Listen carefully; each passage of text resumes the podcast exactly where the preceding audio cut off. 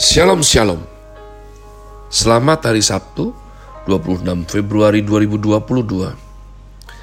Saya Pendeta Caleb Hofer Bintor dalam anugerahnya Penuh sukacita sampaikan pesan Tuhan melalui Chris Words yakni suatu program renungan harian yang disusun dengan disiplin.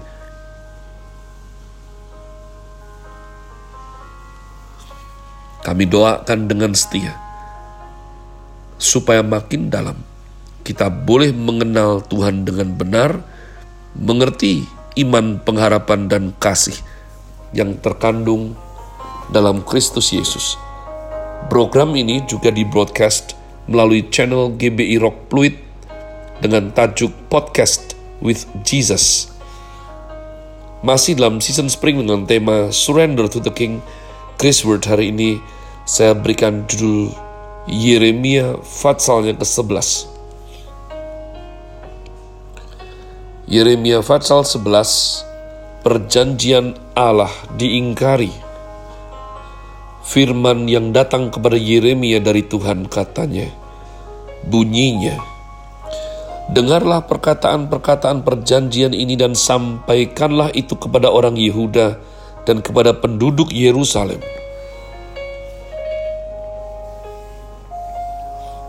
Katakanlah kepada mereka, beginilah firman Tuhan Allah Israel, terkutuklah orang yang tidak mendengarkan perkataan-perkataan perjanjian ini yang telah kuperintahkan kepada nenek moyangmu pada waktu mereka kubawa keluar dari tanah Mesir, dari dapur peleburan besi, dengan berfirman, Dengarkanlah suaraku, dan lakukanlah segala apa yang kuperintahkan kepadamu, maka kamu akan menjadi umat aku dan aku akan menjadi Allahmu. Sehingga aku dapat menepati sumpah yang telah kuikrarkan kepada nenek moyangmu untuk memberikan kepada mereka tanah yang berlimpah-limpah susu dan madunya. Seperti halnya pada waktu ini. Lalu jawabku, begitulah hendaknya ya Tuhan.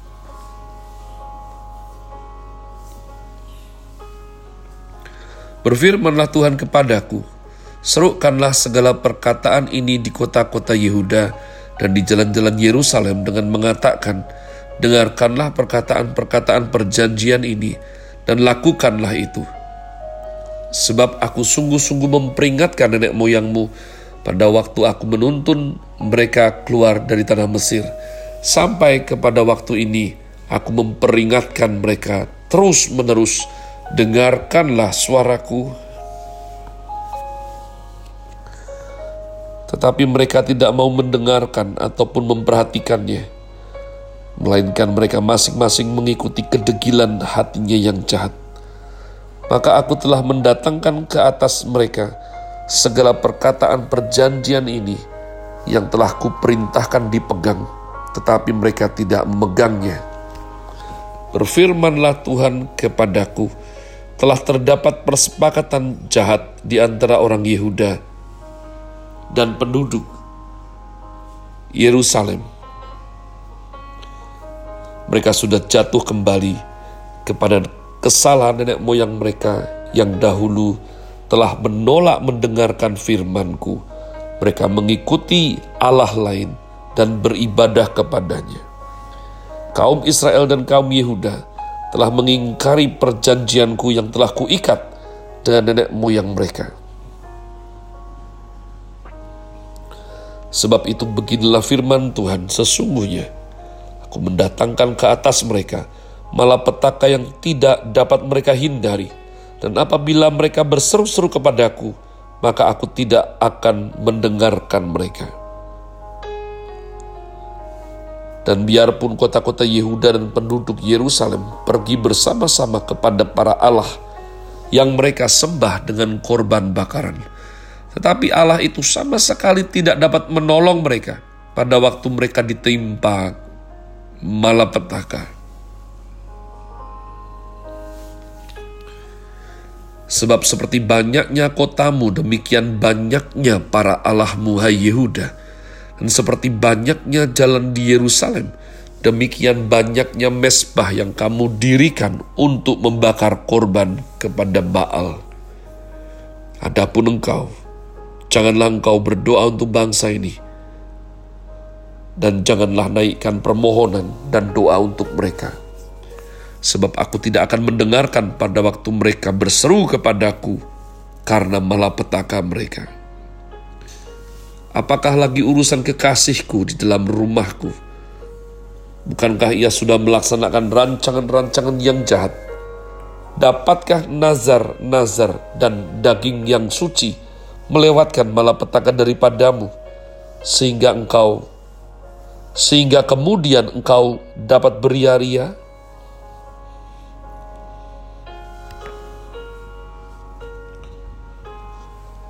Pohon zaitun yang rimbun, elok dipandang mata. Pernah Tuhan menamai engkau, tetapi dengan bunyi keributan yang hebat, ia menyalakan api pada daun-daunnya, sehingga ranting-rantingnya terbakar. Tuhan semesta alam yang telah membuat engkau tumbuh, telah menentukan malapetaka atasmu karena kejahatan yang telah dilakukan oleh kaum Israel dan kaum Yehuda untuk menimbulkan sakit hatiku dengan membakar korban kepada Baal. Ayat 18, nyawa Yeremia terancam di Anatot. Tuhan memberitahukan hal itu kepadaku. Maka aku mengetahuinya. Pada waktu itu engkau, Tuhan, memperlihatkan perbuatan mereka kepadaku. Tetapi aku dulu seperti anak domba yang jinak. Anak domba jinak yang dibawa untuk disembelih Aku tidak tahu bahwa mereka mengadakan persepakatan jahat terhadap aku. Marilah kita binasakan pohon ini dengan buah-buahnya. Marilah kita melenyapkannya dari negeri orang-orang yang hidup, sehingga namanya tidak diingat orang lagi.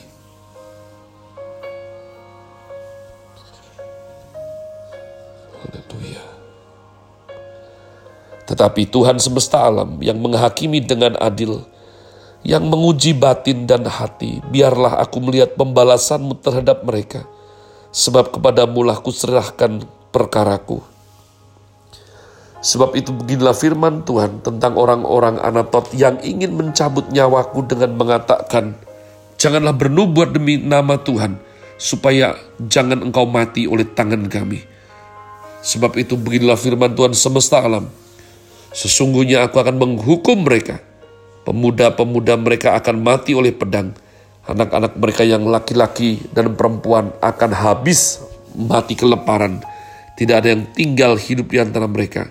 Sebab aku akan mendatangkan malapetaka kepada orang-orang Anatot pada tahun hukuman mereka. Umat Tuhan,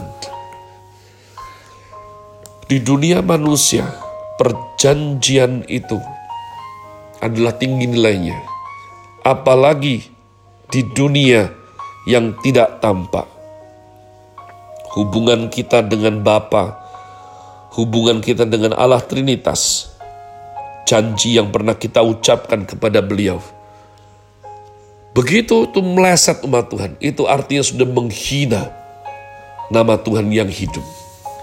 Perjanjian bersifat dua belah pihak berbeda sekali. Promise is very different with covenant. Dan di sini Israel sekali lagi melanggar janji. Melanggar janji umat Tuhan. Sehingga cepat atau lambat melalui kitab Yeremia ini mereka akan dibuang ke Babel. Mereka akan direnggut kehormatannya dan habis masa jayanya. Nah umat Tuhan hal yang perlu kita cermati untuk hidup sehari-hari kita saat ini adalah Apakah kalau manusia itu menyembah berhala itu sesuatu yang baik itu terjadi? Ini yang paling heran. Kenapa mereka balik lagi ke Baal? Balik lagi ke Baal. Walaupun salah umat Tuhan, tapi bukankah Allah Abraham, Ishak dan Yakub yang sudah memimpin leluhur mereka keluar dari Mesir? Dan bukankah kisah-kisah perang dalam Israel sudah tertera dengan jelas. Selama mereka menghormati nama Tuhan Allah yang hidup, mereka menang. Mereka menang umat Tuhan. Jadi, saya pikir kadang kenapa orang-orang itu satu titik bisa rasa bodoh sekali. Bodoh sekali. Apa untungnya? Kenapa kamu mengkhianati Tuhan? Kenapa kamu membelakangi dan melawan, memberontak melawan juru selamat kita yang hidup, sang pemberi nafas kita, yang memelihara kita sampai hari ini? Ada. Bukankah Tuhan? Jadi umat Allah, inilah kasih karunia, inilah misteri yang tidak terpecahkan. Bagaimana orang baik, pribadi baik, justru kalau tidak hati-hati, dianggap jahat. Ya, sedangkan pribadi yang mewakili kejahatan itu seolah-olah dipercaya bisa baik. Hati-hati sekali dengan pola pikir seperti ini. Supaya sungguh-sungguh kita tidak hanya hidup dengan apa yang kelihatan di mata, tapi kita boleh mempunyai kepekaan rohani sehingga tidak bebal seperti Israel di zaman Yeremia hidup. Have a nice day. Tuhan Yesus memberkati saudara sekalian. Sola.